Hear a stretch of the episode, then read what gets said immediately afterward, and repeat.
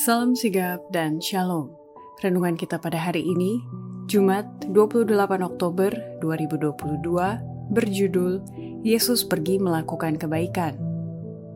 Ayat intinya terdapat di dalam kisah para rasul 10 ayat 38, yaitu tentang Yesus dari Nazaret, bagaimana Allah mengurapi dia dengan roh kudus dan kuat kuasa, dia yang berjalan berkeliling sambil berbuat baik dan menyembuhkan semua orang yang dikuasai iblis, sebab Allah menyertai dia.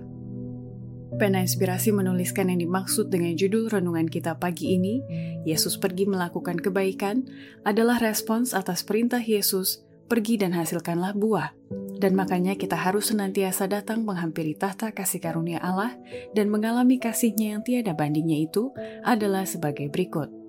Pertama, setiap orang Kristen bisa meniru teladan Yesus pergi melakukan kebaikan, asalkan memiliki niat dan motivasi untuk melakukan pekerjaan itu dengan setia yang dimulai dari perkara kecil terlebih dahulu.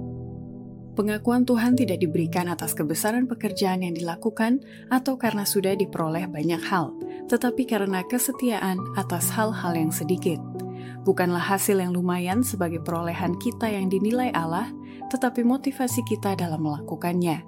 Dia menilai kebaikan dan kesetiaan lebih tinggi daripada kebesaran pekerjaan yang dilakukan.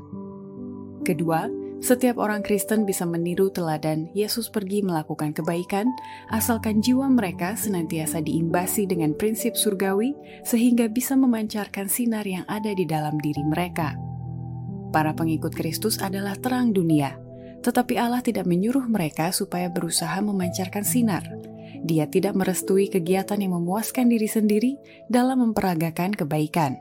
Dia ingin agar jiwa mereka diimbasi dengan prinsip surgawi Kemudian, sementara mereka berhubungan dengan dunia ini, mereka akan memancarkan sinar yang ada dalam diri mereka. Kesetiaan yang sungguh-sungguh dalam setiap tindakan hidup akan menjadi sarana penerangan.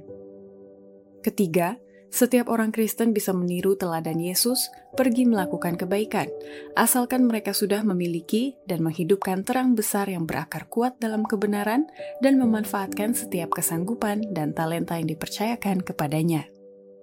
Sekarang Allah memanggil umatnya yang memiliki terang besar dan berakar kuat dalam kebenaran, yang menerima banyak pekerjaan untuk dikerjakan bagi orang lain dan bagi mereka sendiri, seperti yang belum pernah dilakukan sebelumnya. Manfaatkanlah setiap kesanggupan, latihlah setiap kuasa, setiap talenta yang dipercayakan. Gunakanlah semua terang yang telah diberikan Allah kepadamu untuk kebaikan kepada orang lain. Janganlah mencoba menjadi pengkhotbah, tetapi jadilah pelayan-pelayan Allah.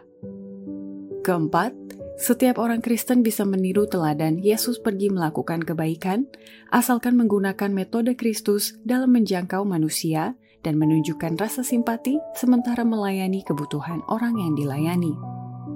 Metode Kristus sendiri akan memberikan sukses yang benar dalam menjangkau manusia.